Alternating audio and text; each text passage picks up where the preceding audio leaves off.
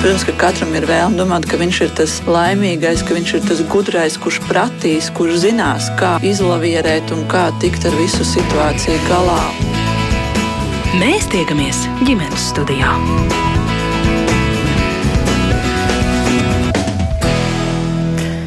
Jā, labdien! Savu skanējumu sāk Latvijas radio viens ģimenes studija un turpmāko stundu ar jums kopā šeit būs es Agnes Link un arī viss šī rādījuma radošā komanda. Nav nemaz tik reti novērojams, ka jaunieši no ģimenēm, no latviešu ģimenēm dažkārt eh, savstarpēji gandrīz pilnībā sarunājas eh, angliski. Arī daļa pedagoģu teica, daži skolēni nevar vairs stundās savā dzimtajā valodā pilnvērtīgi izklāstīt savu viedokli. Vai tās cerības, ka šodienas bērni pieauguši, būdami sarunāsies labā, skaistā, varbūt pat bagātīgā latviešu valodā, ir veltas, vai varbūt tomēr ir kādi veidi, kā to vēl ir iespējams ietekmēt un veicināt. Par to šodien raidījumā. Un, eh, kā vienmēr jūs klausītāji esat laipni aicināti pievienoties šai sarunai ar savu skatījumu, viedokļiem, komentāriem vai jautājumiem. Ja tādi rodas, droši rakstiet mums no Latvijas radio mājaslapas raidījumam ģimenes studija, bet pie mums viesos es šodien sveicinu pamatskolas Rīdza latviešu valodas un literatūras skolotāju Eviju Vaska. Labdien! Labdien! Arī literāts Lauris Veips kopā ar mums mums ģimenes studijā šodien. Dien. Sveiki! Un telefoniski mums pievienojas mans jaunais kolēģis Radio 5LV balss un Rīgas valsts otrās gimnāzijas 11. klases audzēknis Toms Putniņš. Sveiks, Tom! Labdien, sveiciens visiem! Mūsu sarunu es gribētu sākt ar kādu nelielu skanisku ilustrāciju. Domājot par šodienas tematu, es atcerējos kādu pirms laika uh, redzētu filmu. Tā ir Andres Doršs dokumentālā debija Skaistai būt, un tā ir filma, kas stāsta par eh, jaunu meiteņu pasauli mūsdienu Latvijā. Filma tapusi 2019. gadā, tā kā varam teikt, ka nu nav pavisam novecojusi. Un jau pirms dažiem eh, gadiem to skatoties, manas ausis aizķēra dažu filmā portretēto jauniešu valodu. Lūk, neliels eh, audio fragments. Es domāju, ka daudz var relētot meitenes par to, ka man vajag jaunu sākumu, un tad vienkārši nogriez mātus. Es varēšu paņemt savu maizīti? Jā, sure, nāc, paņem maizīti. Man ir uh, ideja, kā, kā sataisīt tieši kā, vairāk varbūt meitenēm, kā, jo mēs nu, zinām, ka kā, diezgan zema pašapziņa ir ļoti daudziem tādu video, kurus kā, nu, iedrošina vairāk. Manuprāt, mēs ļoti kā, iedvesmojamies no tā, ko mēs redzam internetā. Jā, tā kā pārāk es, daudz jā. un negatīvā veidā. Un tas ir kā, ļoti, manuprāt, noslīd uz leju tas, kā mēs jūtamies paši par sevi, jo mēs redzam to, ka viss ir perfekti. Es tik daudz saku tā, kā piedod. Jau. Jā. Oh, tas bija manikīra. Jā. Man ir homemade. Nē, es man patīk. Un tad nāc ārā, man liekas, tā vēl Jā, parādīja. Kur tev neiet? Ap gurnības nevar aizpogāt. Ooh, you have some thick gurni. Are you sunburned or just always this hot? I'm just always this hot. Reject pile. Es vienos vajag, es tikko tiktu kā 50 tūkstošus. Tā kā man ir 50 tūkstoši, sako, netik, tā kā tas ir crazy. Tā kā paldies visiem. Kā man skolas pieskojot, lieku visu kaut ko. Šitā ir nice. Nu, tu esi bēdājis. Šitā bija cute. Tas tu kinda prezdo. Tā kā, ja man ir labs outfits un es jūtos labi par sevi, tā kā iešu tā kā powerful vienkārši uz priekšu. Nevar relēt. Nopietni!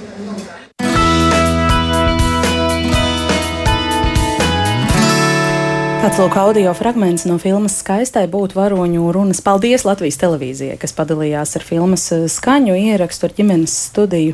Es jautāšu vispirms eh, skolotājai Evijai Vaskai, cik lielā mērā šis sakrīt ar tādiem jūsu novērojumiem ikdienas runā, strādājot ar skolēniem, vai piekrītat, ka viņu valoda aizvien vairāk angliskojas? Jā, jautājums. Uh ir uh, skatāms noteikti no abām pusēm. Bet es, uh, klausoties šo raidierakstu, uh, atpazinu savus skolēnus, atpazinu mm, pamatskolā. Es teiktu, tā no, noteikti no kādas 7. līdz 9. klasē. Tā ir skolēna ikdienas runa, ko es dzirdu ikdienas. Mm -hmm. ja? Nu, protams, šo jautājumu var skatīt um, vēsturiski un meklēt uh, iemeslus, bet šajā mirklī droši vien, um, ka te ir jautājums par ikdienas runu un ir jautājums par runu, kuru mēs ikdienā mācām skolā, jo latviešu valodu mēs apgūstam padziļināti. Un tomēr mācāmies šo literāro valodu, meklējam dažādus ceļus, kā skolēnus tomēr vest pie tās gara gaismas un attīrīt to uh, valodu, kā Alunāns teica, no svešiem grabažiem, joprojām jau kuro gadsimtu. Uh, tomēr uh, mums ir jāskatās arī bērni dzīvo uh, reālā vidē, laikā, un viņu laiks ir šis interneta laiks, un arī interneta valoda ir angļu valoda. Um, es nedomāju arī, ka mēs šo cīņu izcīnīsim, nezinu, ar uh, lielo slotu rokā. Es vairāk paļaujos uz to, ka pieaugot, uh, bērni um, arī sāks kontrolēt savu runu, ja viņi iemācīsies cienīt uh, cits citu, cilvēku attiecības, viņiem būs vērtību sistēma, Viņi iemācīsies arī attieksmi pret valodu, un uh, viņu valoda mainīsies. Ja tas tā nenotiks, tad tas tā nenotiks. Mm. Un, uh, joprojām arī skolotājiem būs jādomā, kā mēs strādāsim ar šo 21. gadsimta jauno cilvēku, lai, nu, neteiksim, kā Rainim ar varu liksim mīlēt savu latviešu valodu, bet mēs centīsimies nu, tomēr apliecināt, ka nākam no mazas tautas, kurai ir sava valoda un kurai ir sava dziesma. Un, un es domāju, ka tās saknes apziņa. Sakņu apziņa viņiem, viņiem parādīsies kaut kādā mirklī, tas tomēr notiks. Bet, uh, Bet pie tā jāstrādā, jāstrādā, jāstrādā, bet nevis noliedzot, bet nevis noliedzot un neļaujot un sakot, ka tu dari nepareizi. Jo man ir ārkārtīgi daudz piemēru. Bet vai, vai uzreiz ar tiem piemēriem, jo es tikko esmu izlabojusi arī sestās klases valsts ieskaitas darbus, un arī šodien mēs devītajā klasē runājām par stilistiku, un arī kāds zēns uzreiz teica, uh, vārda uh, paudzes vietā ģenerācija, un tad uh, no generation, jā, un tad tā, tā pārnese uzreiz saka, bet meklē savā valodā vārdu, meklē vārdu. Un tad, taču atrod, mm. un kas meklē, tas atrod. Jā. Mm. Tā, jūs, tā cerība, ko jūs dodat, no tā izaug. Jā, es ļoti gribu domāt. Jā. Laura, kā jūs uz šo raugāties? Jā, es pilnīgi piekrītu Evijai, ka mm, no tā izaug, jo es pats arī vairāk vai mazāk no tā, no tā esmu izaudzis. Es atceros, ka sākot, piemēram, tulkot, kā tulkotājs redaktors, tas ir žurnālā žoklis, pelnu iztiku, piemēram, piemēram, nepareizus laikus lietoju, lietoju palīg, uh, atstāstījumu palīgteikumos un, un, un, un, un tādā garā, bet, bet, bet bet tā nē, es no tā izaugu.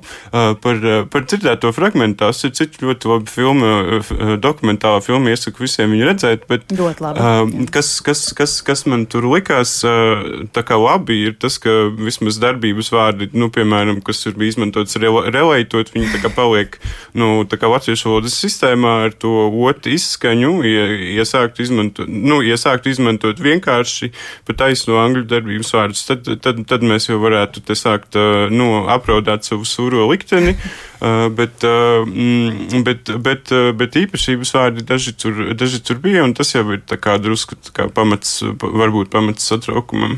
Īpašības vārdi daži, respektīvi, nelocīti tur iekļuva. Tā tā. Vai uz savas paudzes cilvēkiem skatoties saviem vienaudžiem, par visiem tā var teikt, ka esam no tā izauguši? Visiem tāds posms ir bijis, kad gribas šos te angliskos vārdus ļoti daudz iepīt savā runā. Grūti pateikt, vispār, kāpēc, kāpēc tāda vēlme. Nu, iespējams, nu, iespējams, tur ir kaut kāda kā, uh, paudžu spriedze. Negribas runāt, varbūt valodā, kādā runā tevi vecāki. Uh, bet, nu, prot, bet nu, protams, protams, arī tie mēdīji, kas tiek, kas tiek patērēti, visi ir, visi ir angļu valodā.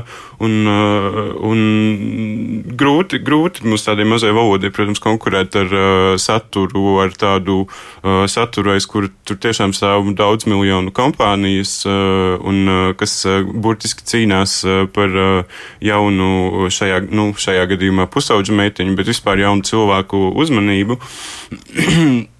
Bet uh, nu, savā, savā lokā, kā es esmu, es esmu vairāk literāts, un, protams, ka mūs, mēs maizīti pelnām uh, ar latviešu valodu, un neviens, man liekas, nemāžojas, uh, domājot, ka viņš var tulkot uz, uz, uz, uz, uz svešu valodu, uz valodu, kas nav viņa dzimtā vai vismaz tā kā bilingvāla. Tā kā, mm, tā kā īsumā tā. Jā. Tomam arī gribu dot vārdu. Viņš ir pacietīgi klausījies kādu brīdi un droši vien izdomājis, eh, ko teikt. Kas bija tas, par ko tu domāji, klausoties uh, skaņas fragmentā? Par to, kā meitenes runā. Vai tas ir tas, kas tev skan apkārt ikdienā, un vai tu arī pats ikdienā tā runā? Es par filmu gribēju sākt runāt, jo, manuprāt, perfekta izvēle, jo nereti filmās un seriālos šī jauniešu valoda tiek nenormāli pārspīlēta. Anglicismi parādās pārāk daudz dialogos un sarunās, Bet uh, skaistai būtu filmā, manuprāt, ļoti, ļoti labi tika atspoguļots tas, ka latviešu valoda un angļu valoda vismaz manā burbulī iedarbojas savā starpā. Nereti tiek latviešu vārdi aizstāti ar angļu vārdiem, jo tajā brīdī ir tāds sajūta, ka tas izklausīsies daudz labāk. Un tiesa arī dažreiz nerodas uzreiz prātā kaut kāds latviešu vārds, ar ko varētu aizstāt. To pašu ir laikot. Es iztēlojos tās personas tādā un sapratu, ka es arī visticamāk tajā brīdī teiktu relētot, jo tas izklausās labi, tas izklausās skanīgi un tādā momentā pareizi. Un tad varbūt tikai pēc tam iedomājas, ka, ai, varbūt vajadzēja citādāk runāt. Bet kā reiz par to iemeslu, kāpēc tie angļu vārdi, manuprāt, tik daudz ir iesaistījušies mūsu prātos, ir viens par informāciju, jo jaunieši nenormāli daudz, vai pat varētu teikt, lielākoties iegūst informāciju un saturu tikai no angļu valodā runājošiem cilvēkiem un portāliem. Latviešu valodas saturs ir, bet nav tik dominējošs kā angļu valodas saturs. Es negribētu piekrist par paudžu spriedzi, jo tur drīzāk tiešām, manuprāt, to visu izkonkurēs tīri tas informācijas burbulis, kur jaunieši atrodas, kā arī tas skanīgums. Jo dažreiz ir tāds sajūta, ka angļu vārdi būs skanīgāk šajā gadījumā. Bet man ļoti patīk arī tas, ka skolās nenormāli arī joprojām mm, māca to literāro valodu un skolotāji nav padavušies uz jauniešiem, akceptējot to, ka mēs runājam ar anglicismiem, bet saprotot to, ka nu, mēs to varam apspēlēt, mēs tik un tā varam bīdīt iekšā šo skanīgo literāro latviešu valodu. Un tā darbojas tādi divi pretspēki manā redzējumā. Uh, tas informācijas burbulis, kurā mēs atrodamies, un nu, iegūstam šos angļu vārdus. Un tad tas pretspēks ir latviešu valodas un literatūras stundas skolās, kur tomēr mēs iegūstam jaunu informāciju, un tad atrodam kaut kādu zelta vidusceļu starp šiem diviem spēkiem. Jautājums droši vien nākamais par to, uh, Tu minēji, ka internetā cilvēki patērē ļoti daudz satura angliski, bet mums jau ir arī latviešu runājoši youtuberi, influenceri, jeb digitālā satura veidotāji, kā tagad mēs eh, sakām, un jautājums, kādā latviešu valodā runā viņi, teiksim, Kā tavu valodas izjūtu veido vai maina tas, ka tu esi sācis strādāt uh, rādio un cik lielā mērā tu ieslēdzot mikrofonu, cenzē pats sevi un domā uh, par to, kā tu runā, piemēram, piecēlvē ēterā? Nu, ja tā godīgi. Mm, protams, ka es cenšos iedomāties savas valodas, jo tomēr es runāju ar cilvēkiem, un mans tāds uzdevums savā ziņā ir censties runāt pēc iespējas korektāk, bet tik un tā es saprotu, ka piecēlvēja mērķa auditorija ir jaunieši, līdz ar to es varu atļauties arī runāt tā, kā es runāju ikdienā, jo tomēr es runāju ar jauniešiem, ar saviem domu biedriem, ar saviem vienaudžiem. Bet runājot par influenceriem, uh, Es gribētu teikt, ka Latvijā pat īstenībā ir ļoti laba situācija, jo nereti, ko es esmu pamanījis, ka influenceriem ir tā savs sulīgā valoda, kāds um, vārds, ko varbūt viņi ģimenē ļoti daudz lieto, un tad viņi to savos video atkārto tik ļoti, ka tas iesēžas prātā. Piemēram, mēs klasē ļoti daudz izmantojam vārdu ziķeris. Kaut kā tas vienkārši aiziet. Bet uh, Jā, sanāk piedomāt pie valodas, it īpaši tādu ētrā. Evī, par ko jūs domājāt tomā klausoties? Jūs gan pasmājāt, pasmaidījāt, gan pamājāt ar galvu pa brīžam? Jā, es arī par to man pašai jaunākā meitene 12. klasē mācās. Un es arī ik pa laikam dzirdu jauniešu sarunās iezogamies kādu vecu vārdu vai kādu sulīgu vārdu, kurš ir aizmirsies un noglabāts lādēs. Un, un tajos mirkļos es arī domāju par to, ka kamēr būsim, tikmēr stāvēsim, kritīsim par savu valodu. Kāds jau būs, kas to tāpat kops, un, un arī kā Toms redz, nonākot radio, viņš tomēr domā, kā viņš runā, kā viņš veido teikumus, kā viņš uzrunā savu auditoriju, un lai arī tie ir jaunieši.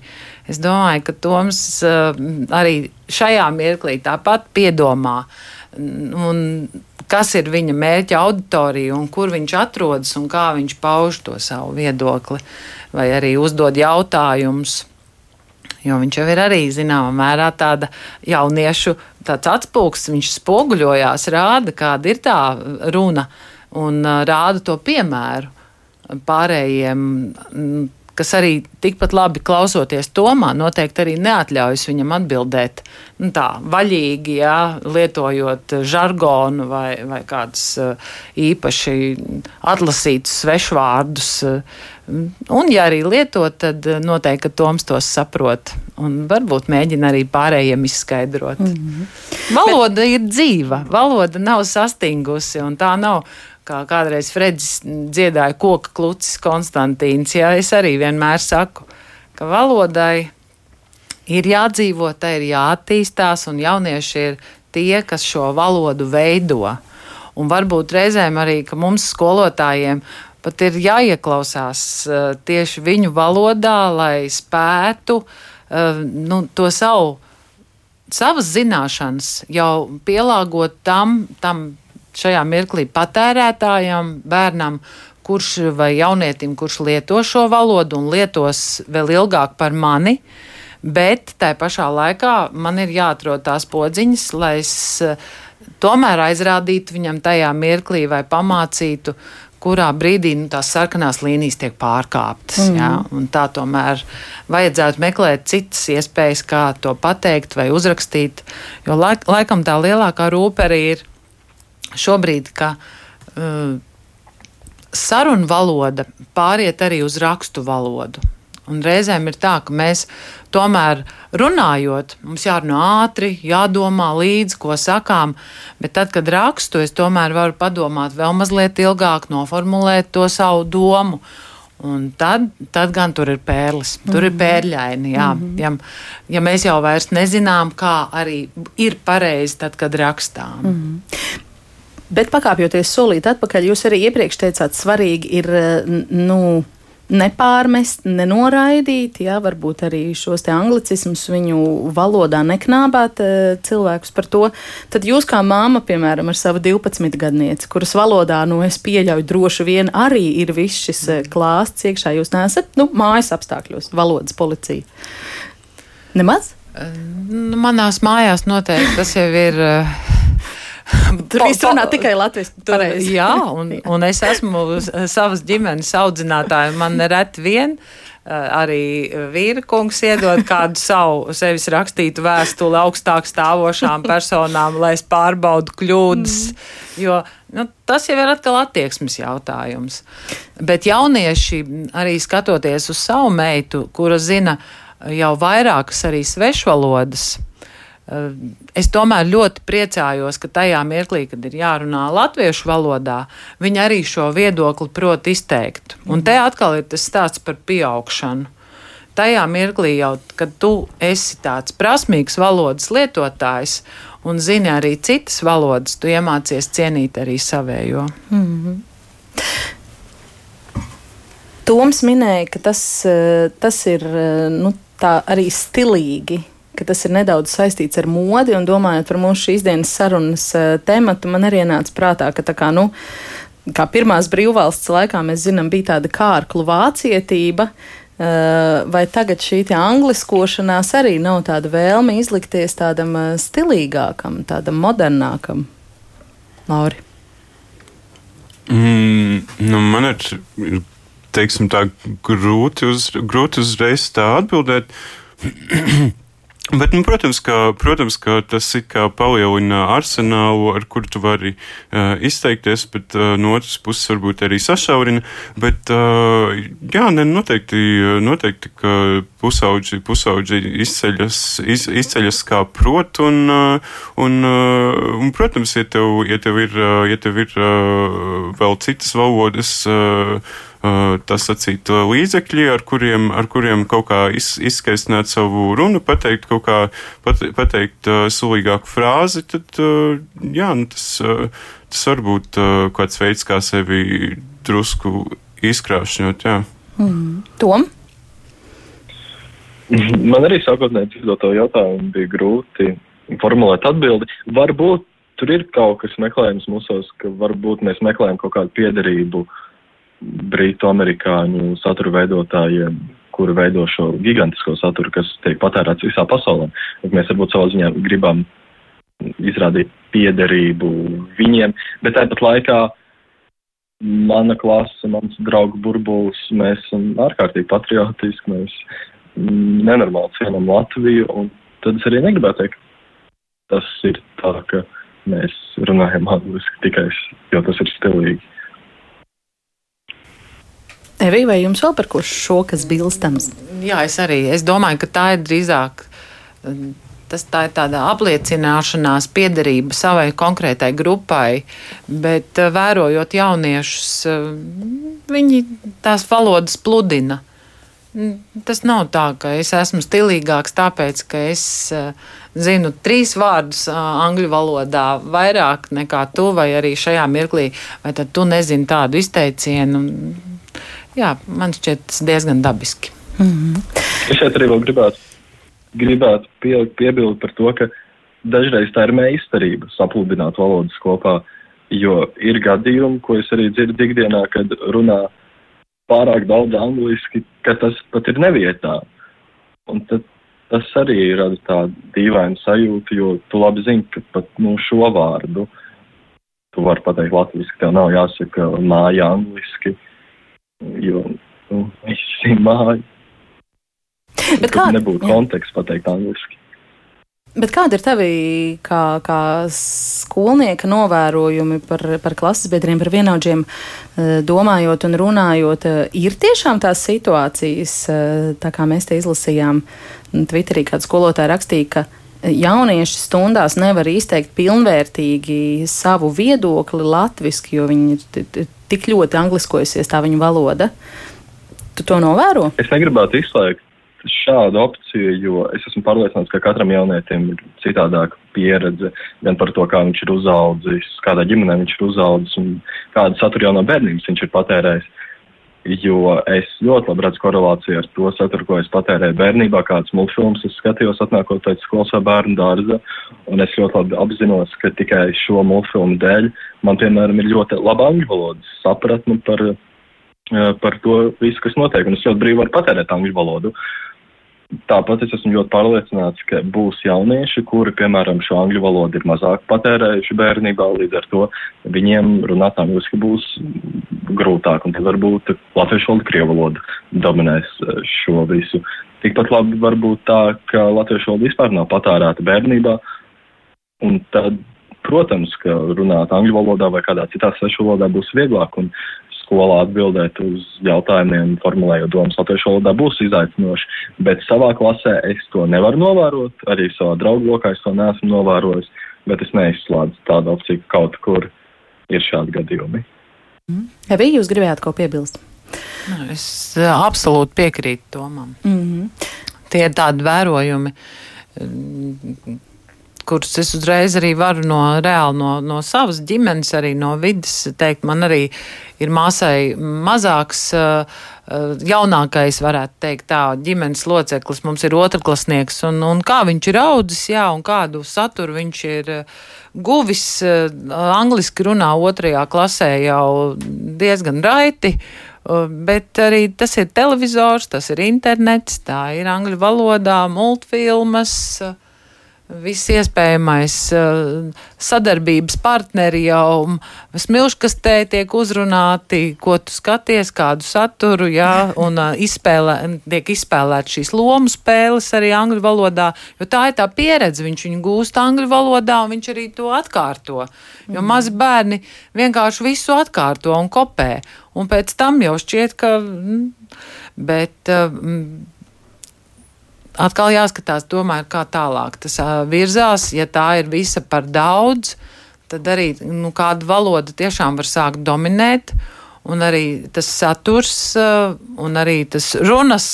Aparāts galvā, viņš sāka darboties tajā virzienā, ka tad ir grūti izteikt to viedokli beigās. Nu, ja, nu tad jau jautājums droši vien ir par to, kur mēs novilksim jā. to par daudz robežu, vai mēs mm -hmm. esam pāri tai, vai, vai vēl tikai uz to virzamies.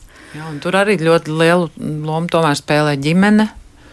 Jā, kādas mm -hmm. ir ģimenes tradīcijas, kā, kā mēs tomēr novirzām to angļu valodu par labu latviešu valodai, kāds ir saturs arī, ko piedāvā ģimenē vecāki, vai mēs ejam kopā latviešu teātris, mums ir latviešu mūziku, klausāmies, eh, tomēr, nu, teiksim, tādā izpildījumā.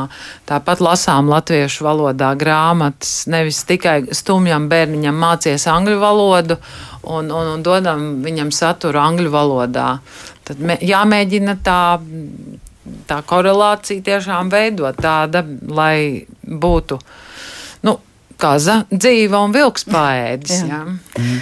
Es no savas puses gribēju piebilst, ka uh, jā, uh, problēma, jau, problēma jau nav tāda, ka cilvēki, cilvēki runātu, runātu tikai vienā vai prasa runāt tikai vienā vai otrā valodā. Uh, problēma ir tāda, ka cilvēki šādā gadījumā neiemācās nevienu, nevienu, ne otru valodu. Uh, Uh, to, es, uh, to es saku, būdams uh, redzējis nu, daudzus, daudzus vietēju literātu mēģinājumus, un periodiski kāds mēģina kaut ko uzrakstīt angliski. Un, uh, lai gan, lai gan uh, cilvēki ļoti, ļoti labi saprot, jaunieši ļoti labi saprot uh, angļu valodu, nav tā, ka viņi prot viņā izteikties. Un, un vispār, man liekas, kā, ja, tu neesi, ja tu neesi dzīvojis tādā vidē, citas valodas vidē, tu visdrīzāk arī viņā nekad nevarēsi nu, pilnvērtīgi rakstīt, jo nu, literārā valoda ir tas, tas, tas augstākais, augstākais valodas līmenis, un, un to, to, tu, to tu vari sasniegt tikai nu, pilnībā dzīvojot vienā valodā. Mm -hmm. Pievērsīšos nedaudz mūsu klausītāju rakstītajam. Zanē bēdājas, ka pēc jauniešiem patīk un šķiet pieņemami lietot necenzētus vārdus Krievu valodā, nemaz nerunājot par netik rupjiem Krievu vārdiem kā močīt, tusēt, bardaks, ko mēdz lietot arī vecāki. Nu, tas ir stāsts par, par valodas paradumiem arī ģimenēs droši vien, vai ne? Edgars uh, min, ka varbūt bērni dzīvošanai Latvijā neredz perspektīvu, sagaidīs pasi, un Eiropas Savienība ir plaša, bet Latvija paliks par lielu dabas parku bez uh, iedzīvotājiem. Tāda pesimistiska uh, prognoze. Kā lūdzu? Es saku, viena vienīga bēdulēja. Nē, nu dabas parks tas jau skaistā, skaidās skaisti. Uh, Ilze saka, jā, halo, latviešiem vispirms ir labi jāiemācās pašiem latviešu valodu, vai tad pētījumus nesat lasījuši par bērnu valodas attīstību? Būtu labi, ja skolotājs arī rādītu, piemēram, opcijas vietā, piemēram, teiktu iespēja. Atkal kāds akmens mūsu pašu pieaugušo Dārziņā Elīna raksta, ģimenē mēs runājam latviešu valodā un izturamies pret to ar cieņu. Bērni ļoti labi pārvalda angļu valodu un labprāt arī tajā lasa, bet lasīt grāmatas latviešu valodā negrib it nemaz ir piedāvāt visi iespējamie žanri, ko darīt. Mm, jā, es arī vienu Twitter diskusiju kaismīgu par šo tēmu lasīju, kur bija tāds viedoklis iespējams, ka latviešu runājam slikti, tāpēc ka nav interesantu latviešu autoru darbu, ko lasīt. Ir, ir. nu, tam arī gribētos nepiekrist. nepiekrist. Jā, jo izvēles iespējas ir ļoti plašas, ļoti plašas. Un, manuprāt, arī latviešu autori uh, pat or, oriģinālu literatūru, ja mēs šobrīd skatāmies, ir ļoti sarosījušies un bērniem tiek piedāvāti nu, pat dažādu žanru literatūra. Mm. Kā ar pusauģiem? Es domāju, arī šī mm, jau niša tiek aizpildīta, jā, noteikti. Un, un, un ir grāmatas, un, un, un es pati arī mācot pusauģus, redzu, nu, gan tādā varbūt piespiedu kārtā mēs mazliet strādājam ar šiem lasīšanas semināriem, un, bet es redzu to plašo grāmatu klāstu. Ko noteikti arī viņiem piedāvā vecāki, vai ļauj izvēlēties, nonākot grāmatnīcā vai bibliotekā. Uh, Un varētu teikt, tā, ja klasē ir 30 bērni, tad neviena grāmata īsti neatkārtojas. Grāmatas ir ļoti dažādas. Mm -hmm. Jūs mācāt to no piektās klases posma, jūs esat tikuši pāri visiem nikiem, gregiem un visam šādam. un es, esam tikie, tikuši pāri, jā. Un, protams, ka tas saturs arī uh, latviešu valodā varbūt ir jāsāk ar, uh, ar komiksiem, jāsāk ar, ar kaut ko tādu, kas ir interesants, saistošs, un kādā mirklī jau viņš nonāks arī pie tādas sarežģītākas literatūras. Bet tomēr arī ar lasīšanu nu, mums šobrīd ir tā kā ir tomēr tā lasīšana. Tā kā tie ir bērni, kas lasa, viņiem patīk īsi raksti, ātri tos izlasīt, lasīt fragmentāri, ātri e, šķirt nākamo lapas pusi. Bet te jau ir jārunā par daudz vēl citiem procesiem, kas, kas notiek. Kā mēs jau dzīvojam ātri, ja, un bērniem arī viņiem gribas Eh, skriet uz priekšu, domāt eh, jau par nākamo, pirms viņš vēl nav izdomājis īsti, kas noticis tagad. Ja? Mm. Un tāpēc arī tas interesantais, tad, kad jautā, nu, kas tev šķiet interesanti, viņi jau arī nevar atbildēt uz šo jautājumu. Kas tad ir tas, par ko tu gribētu lasīt? Mm -hmm. ja? Par piedzīvojumiem. Nu, lūdzu, tā grāmata, tā, tā, tā. Mm -hmm. mm, nu, tā kā tā, tas nav arguments. Mm -hmm. Laura, jūs aprobežoties arī šajā gadījumā ar viedokli ir. Nē, nu, nē nu, ja, ja, ja tuvāk runā, tad jau, protams, nu, piemēram, nē, nu, piemēram, man ļoti patīk latviešu dzējuma, lat, latviešu prozām, diezgan maz ko atrast, bet uh, reizi gados trīs ir kāds darbs, piemēram, tagad, uh, tagad Andris Kalnozvals, protams, Ingas Gailas romāni, uh, drusku agrāk uh, Dainas Tabūnas pirmā reize, uh, Jāņa, Joņeva Jelgava 94, pirms tam vēl Andras Neiburgas uh, Stums Stum. Un tas, nu, tās ir grāmatas, kuras, man liekas, uh, tu, tu viņus paņem rokā, tu viņus nevari, nevari, nevari pēc tam nolikt. Un, tā, bet nu, ir, ir mums, kur teikties latviešu literatūrā. Mm -hmm. Vēl kāds klausītājs raksta, latviešu valodā ir tik maz kvalitatīva un mūsdienīga satura. Nav tā, ka nav, bet ar angļu valodas apjomu konkurēt ir neiespējami. Ja nebūtu tutas lietu, tad jau bērnu dārznieki runātu angliski, pavisam vienkārši saturs angļu valodā skrien virsū uz katra stūra, saturs latviešu valodā ir daudz mazākos apjomos un grūtāk pieejams. Izstiepies vai saraujies, bet pusauģis skatīsies Netflix, nevis lasīs jaunsudrabiņu. Tom, vārds tev par šo? savā ziņā piekritīšu, jo atnākot no skolas mājās, es ieslēdzu Netflix un skatos kādu seriālu vai filmu. Un to es gribētu izskaidrot ar to, ka mēs jaunieši esam ļoti iefokusējušies uz šo audiālo un vizuālo saturu. Jo sociālajos tīklos viss būs vienmēr video formātā, vai arī sliktākajā gadījumā mums būs pieejama tikai skaņa. Kā reizes klausoties par literatūras izvēli, ko varu lasīt un vajadzētu lasīt, es viens gribētu pateikt, ka, ja kāds skolotājs šobrīd klausās un to vēl nepiekopj, tad, manuprāt, būtu ļoti forši, ja jauniešiem ik pa laikam skolā, piemēram, pateikt, ka, hei, re, kur ir jauna grāmata, kura varētu būt riktīgi forša, jums varētu patikt, ja, ja ir vēlme, tad izlasiet. Jo manā pieredzē tas tiek darīts ļoti rati, un tā būtu tāda fēna lieta, ko varētu piekot daudz vairāk. Bet kādreiz par šo lasīšanu, audiologu saturu, vizuālo saturu. Mums tagad skolā ir jālasa mērnieku laiki. Kā tev iet ar to? Es domāju, es būšu viens no. Man, man līdz rītdienai ir jāizlasa pirmā un otrā nodaļa. Man ir grāmata paņemta no bibliotēkas, es sāku to lasīt, bet tad es atradu internetā, ka jaunajā Rīgas teātrī šī grāmata ir pieejama audio formātā, un es esmu izlēmis to klausīties audio formātā, jo viens man ir vieglāk uztvert informāciju audio, un tad es zinu, ka es pāriešu rīt no rīta pāri pirmajai, otrajai nodaļai, tīri vizuāli, pasvītrošu kādu citātu, un tad būs kārtībā. Jā, es atgādināšu, ka ģimenes studijā mēs šodien runājam par to, kādā latviešu valodā runā šodienas bērni, pusauģi, jaunieši sarunas dalībnieki. Joprojām ir pamatskolas Rīdze, latviešu valodas un literatūras skolotāja Evija Vaska, arī literāts Lauris Veips šeit kopā ar mani studijā, bet telefoniski radio 5LV balss Toms Putniņš kopā ar mums. Šobrīd eh, sarunā tā netieši iesaistīsies un savu viedokli par eh, šo tematu paudīs vēl kāda latviešu valodas pedagoģa.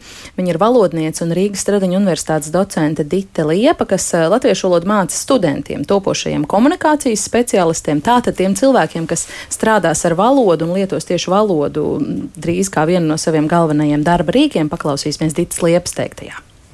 Jā, es strādāju par latviešu valodas pasniedzēju jau vairāk nekā 20 gadu, Un es nevaru novērtēt angļu valodas zināšanas, jo es docēju latviešu valodu. Droši vien, ka angļu valodas zināšanas pārliecinoši ir labas, jo mūsu studenti piedalās gan dažādās starptautiskajās konferencēs, gan tāpat regulāri iesaistās Erasmus apmaiņas eh, programmās. Bet es nevaru apzināti teikt, ka šie studenti, piemēram, zina tikai angļu valodu un nezina latviešu valodu. Turklāt tie, ar kuriem strādāju es, tie ir nākamie komunikācijas nozares speciālisti. Es jau vienmēr esmu arī to uzsvērus, ka es strādāju, nu varētu teikt, ar tādu labu mm, jauniešu daļu, jo mēs ļoti labi zinām, ka ne jau visi jaunieši izvēlas studēt, ne visi to var atļauties. Un kopumā es gribu teikt, ka jaunieši ir motivēti, viņi arī apzinās, ka jā, jāstudē būs latviešu valodā. Otrs aspekts visā šajā problēmā ir tas, ka mēs jau vairākus gadus, un ne tikai gadus, bet uh, nu, katru gadu arvien vairāk uztraucamies kopumā par latviešu valodas zināšanu līmeņa kritumu. Un tur es atkal negribētu tikai vainot to angļu valodu, jo bērni, vēlāk arī jaunieši, nelabprāt lasa. Viņi ļoti daudz laika pavada sociālās tīklošanās vietnēs, ļoti daudz laika pavada pie datora, ir aizmirsuši arī rakstīt rokrakstā. Darbi jau ir jāiesniedz datorrakstā, bet eh, nu, nepieraksts. Pat eh, arī pieraksts ļoti ātri veids, piemēram, datorrakstā. Kopumā vispār valodas, latviešu valodas zināšanu līmenis ir samazinājies. Piemēram, elektroniskā saziņa, kurā savas emocijas var paust ar attiecīgajām emociju zīmēm, ar smaidiņiem, ar bēdīgu seju vai priecīgu seju. Tā pati vide un saziņas veids 21. gadsimta komunikācija mums atļauj izmantot mazāk valodas valodas resursus un vairāk izmantot nu, lūk, šādas zīmes, kas raksturot mūsu emocijas. Jaunietis nespēja, viņam ir grūti, piemēram, aprakstīt tās savas izjūtas, jo viņa priekšā ir piecas jau sagatavotas ikonas, kas pauž viņa emocijas. Viņam nav tas vārdos jāapraksta. Un tur es gribu teikt, ka nav tikai vainīga angļu valoda, bet kopumā valodas izteikšanās prasmju trūkums, jo tikai skatoties filmas, nu, piemēram, un arī, ja mēs runājam par angļu valodu, tad, protams, eh, filmas angļu valodā un dažādās saziņa angļu valodā, arī šie pieminētie sociālie mediji stiprina angļu valodas zināšanas. Bet nu, nekādā gadījumā neveicina vispār prasmi izteikties. Vai šis jaunietis to jau var, varētu viegli arī pārbaudīt, veicot pētījumu, vai viņš angļu valodā var izpaust savas emocijas, tā kā mēs sagaidītu, piemēram, latviešu valodas skolotājs, lai viņš šīs savas savas zināšanas paustu latviešu valodā.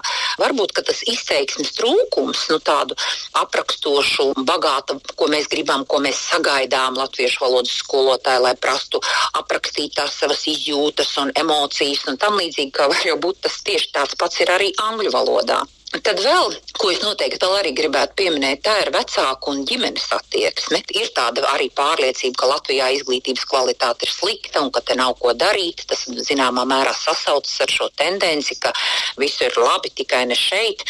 Un um, es arī esmu strādājusi skolā, un es ļoti labi atceros, atmiņā palikusi kāda puiša māte, kas teica, nu, ko jūs te ar savu latviešu valodu? Viņam tāda latviešu valoda dzīvē vispār nebūs vajadzīga. Viņam ir Latvija par šauru, viņš dzīvos un strādās un visu savu karjeru veidos tikai Londonā. Un, zināmā mērā arī ģimenē tiek tā, nu ne visiem, protams, bet tiek iestāstīts, ka tu strādās, tu dzīvos ārzemēs, tev Latvijā nav ko darīt, tu ar savu latviešu valodu nekur tādu netiks.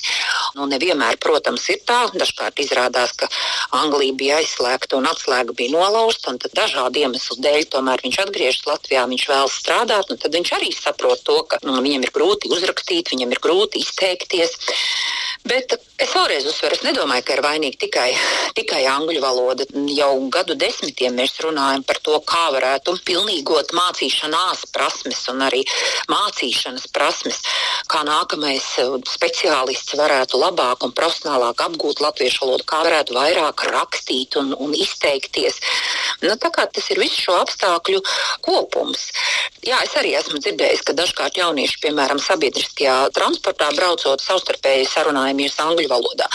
Viens kā, runā raiti un tekoši, pārējie viņam cenšas atbildēt. Tā kā viens no jauniešiem bija mans paziņa, tad es pēc tam viņam pajautāju, nu, ko tad jūs tā angliski runājat.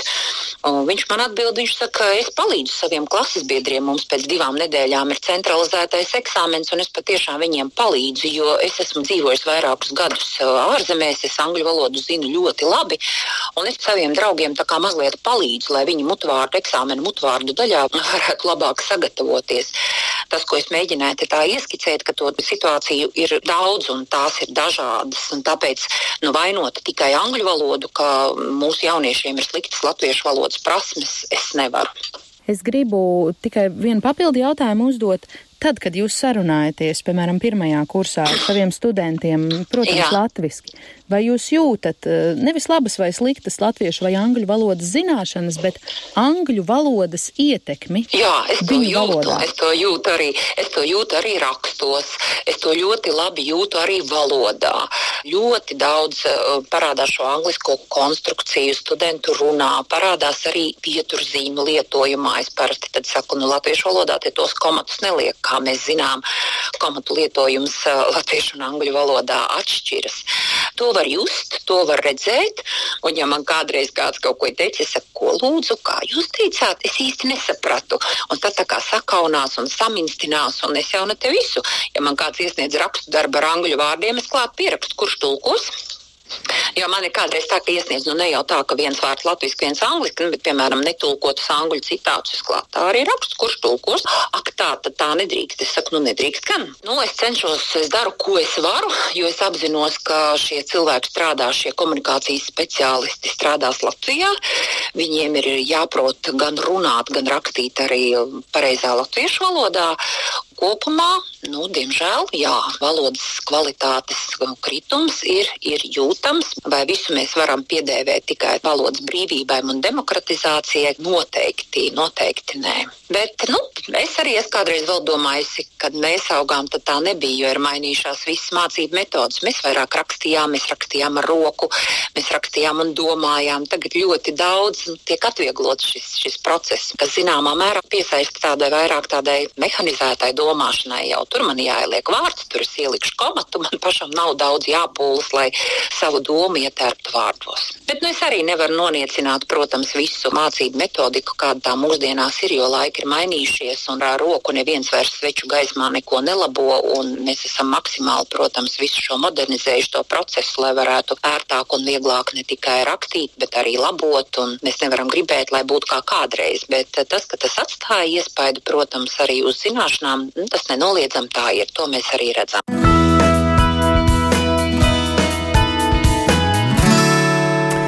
Tālāk, valodniece un Rīgas Stradiņa universitātes docente Dita Liepe. Kam piekrītat vai ko gribat varbūt piebilst viņas teiktajam? Um, man, man, liekas, ka, man liekas, ka visu, visu jau, protams, pareizi pasniedzēja uh, saka, um, mm, bet pie, pie, pie tiem plašākajiem, plašākajiem apsvērumiem, kas, kas kāpēc mēs esam tur, kur mēs esam, noteikti ir jāpiemina arī vienkārši katastrofālais finansējuma trūkums izglīt, izglītībā, it sevišķi humanitārajā izglītībā, bet, protams, arī, protams, arī dabas zinātnēs, vispār, vispār pētniecībā.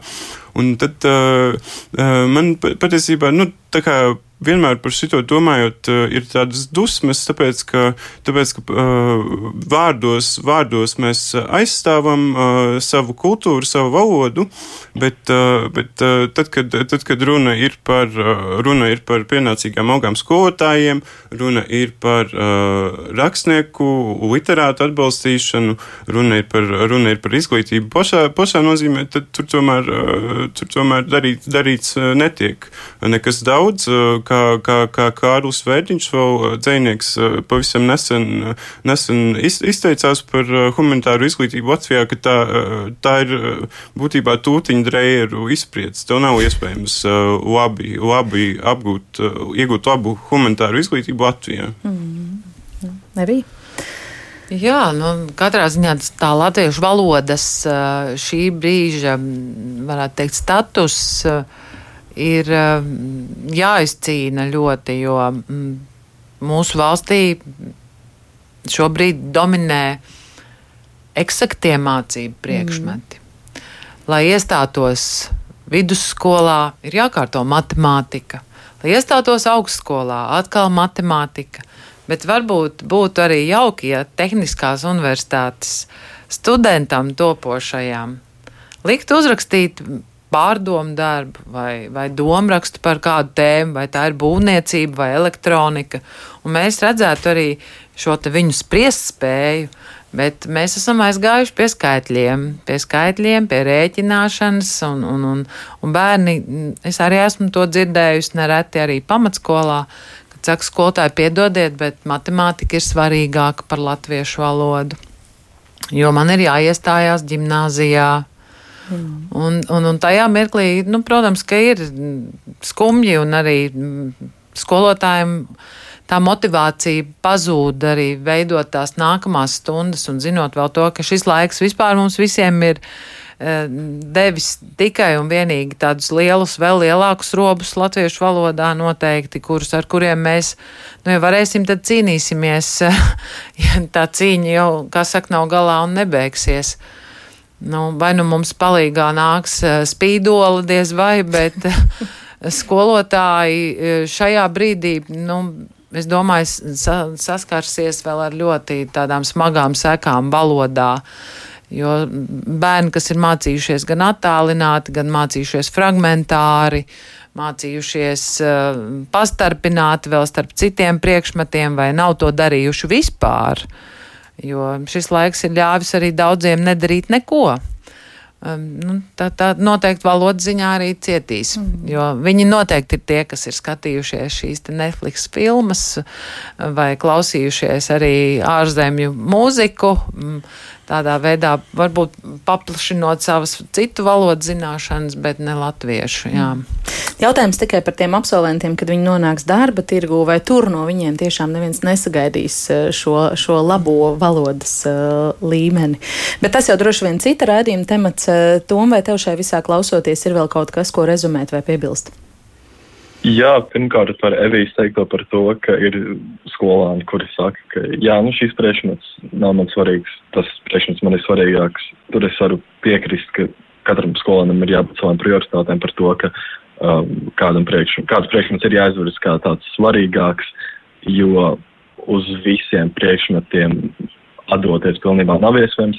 Bet es arī gribētu teikt, tās prioritātes varētu būt šajā gadījumā diezgan nepareizas, jo neizvirzīt latviešu valodu kā viena no prioritātēm, kā viena no priekšmetiem, kas būs ļoti nozīmīgs pēc skolas beigšanas, savā ziņā ir diezgan muļķīgi, bet uh, varbūt tur ir kāds skaidrojums tam visam. Tāpat par to, ko, ja es pareizi atceros, Dita minēja par to, ka uh, cilvēki saka, ka, nu, es mācīšos Londonā, studēšu Londonā, tad kāpēc man to latviešu valodu vispār vajag? Ja godīgi, To es arī varu gaitiņos saklausīt, jo ir skolēni, kur mācās speciālās programmās starptautiskajā bakalaurātā, kas kādreiz ir tendēts uz to, ka tev būs labāks iespējas mācīties ārzemē, un viņi kādreiz ir tie jaunieši, kuri runā nepārtraukt angļu valodā. Bet tas arī savā ziņā ir no viņiem sagaidāms un prasīts, jo tavs plāns ir mācīties ārzemēs, līdz ar to tavai angļu valodai ir jābūt perfektai.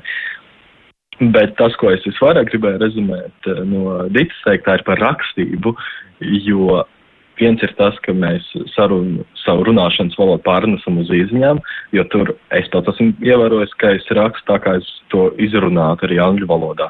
Dažreiz sanāk pateikt, eh, ne uzrakstīt kaut ko nepareizi, bet ar apziņu, ka tas cilvēks, kas saņems manu ziņu ar to nepareizo angļu vārdu, tik un tā sapratīs to, ko es teicu.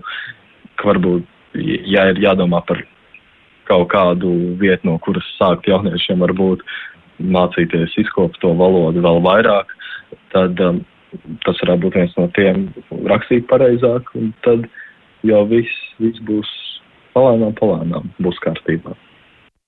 Jā. Noslēgšu ar dažiem klausītāju komentāriem. Vēl Ieva raksta, neesmu nemaz tik vecs, 35 gadi, bet saprotu, ka pat labi zinot angļu valodu, man ir grūti saprasties ar jauniešiem, jo reizēm puse teiktā sastāv no ātri nobērtiem citātiem angļu valodā no kāda seriāla filmas, ko es neskatos. Parasti es pārprasu, bet nu, cik tad reiz, reizi pārprasīs, lai nesāktu izskatīties pēc muļķa. Saprotu, ka komunicēt nesanāks un visa saruna ātri vien beidzas. Pats skolas laikā mēģināju maksimāli lietot tikai vienu valodu bez iestarpinājumiem Krievu vai angļu valodā, lai valoda būtu tīra, bet šķiet, ka šobrīd šāda pieeja ir reti kuram jaunietim. Um, kāda vecmāmiņa ir iesūtījusi savu pieredzi, varbūt kādam nodar mūsu ģimenes pieredzi, tā kā bērniem pieejams milzīgs labu grāmatu klāsts, tad mūsu septiņgadīgais ģimenes puisis lasa nedēļā, vien vai divas grāmatas nedēļā izlasīs visas Lindgrēnas grāmatas, lasa arī Jaunsudrabiņu, arī Harry uh, Potter grāmatas, izlasīts grāmatas par kosmosu, līdz ar to viņa valoda ir bagāta, tādēļ, ka ģimenē bērns ar grāmatām tika iepazīstināts pirms interneta, tādēļ grāmatas šobrīd tiek apēstas. Sāk ar grāmatām par Loti, kuras četru gadu vecumā lasījām kopā, bet pēc tam pašam bija vēlme pārlasīt, un tā arī sāka lasīt. Angļu valodu arī sāk mācīties, un tā aiziet ātri, bet uh, mācās gan no uh, grāmatām. Un, uh, Ilva piekrīt Tomam, ka vajadzētu stilīgu saturu latviešu valodā, tas arī mūsu pašu valodu padarītu trendīgu. Īpaši patīk šis vārds, jā. Un uh, Ilze noslēdzot raksta, ka interese par latviešu literatūru un valodas izpratni bieži vien sākas un beidzas ar skolotāju spēju vai nespēju ieinteresēt, aizraujoši stāstīt. Tā tas ir, mīļie skolotāji, jūsu rokās ir milzīga atbildība par bērnu latviešu valodu. Diemžēl daudziem tas nav pa spēkam. Nu, droši vien, ka Ilze teiktajiem var pievienot, to atbildību mēs dalām uz uh, pusēm. Tikpat cik skolotāji, tikpat arī mamma, tētis, vecmāmiņas un vectētiņi. Bet, nu, man pienācis laiks teikt paldies par uh, sarunu šīs dienas ģimenes studijas viesiem. Uh, ar mani kopā šeit bija pamatskolas Rīgas Latviešu valodas literatūras skolotāja Evija Vaska, arī literāts Lauris Veips un telefoniski 5LV balss un Rīgas valsts ģimnāzijas 11. klases audzēknis Toms Putniņš par radījumu tapšanu un skanējumu šodien gādāja Ilza Zvaigzne, Regīna Bieziņu un es Agnes Linka, bet ģimenes studiju klausoties atkal rīt, kad mans kolēģis Mērits Znotiņš veidot sarunu ar dzierkaļu ģimeni. Vairums atceras 18. gada Latvijas lepnums ceremoniju, kurā dzierkaļi tika godināti kā abrīnas vērta diža ģimene, un ir jau arī ko abrīnot deviņi pašu bērni, vēl divus dzierkaļu adoptējuši, un patsmit bērniem viņi īsāku vai ilgāku laiku ir bijuši auģu vecāki, bet visus dzierkaļi sauc par saviem bērniem un ar daudz daudziem joprojām ciešas attiecības, kaut arī tie ir pieauguši un savā dzīvē. To klausieties ģimenes studijā. Rīt klausieties mums arī podkāstos, sekojiet sociālos tīklos uz sadzirdēšanos.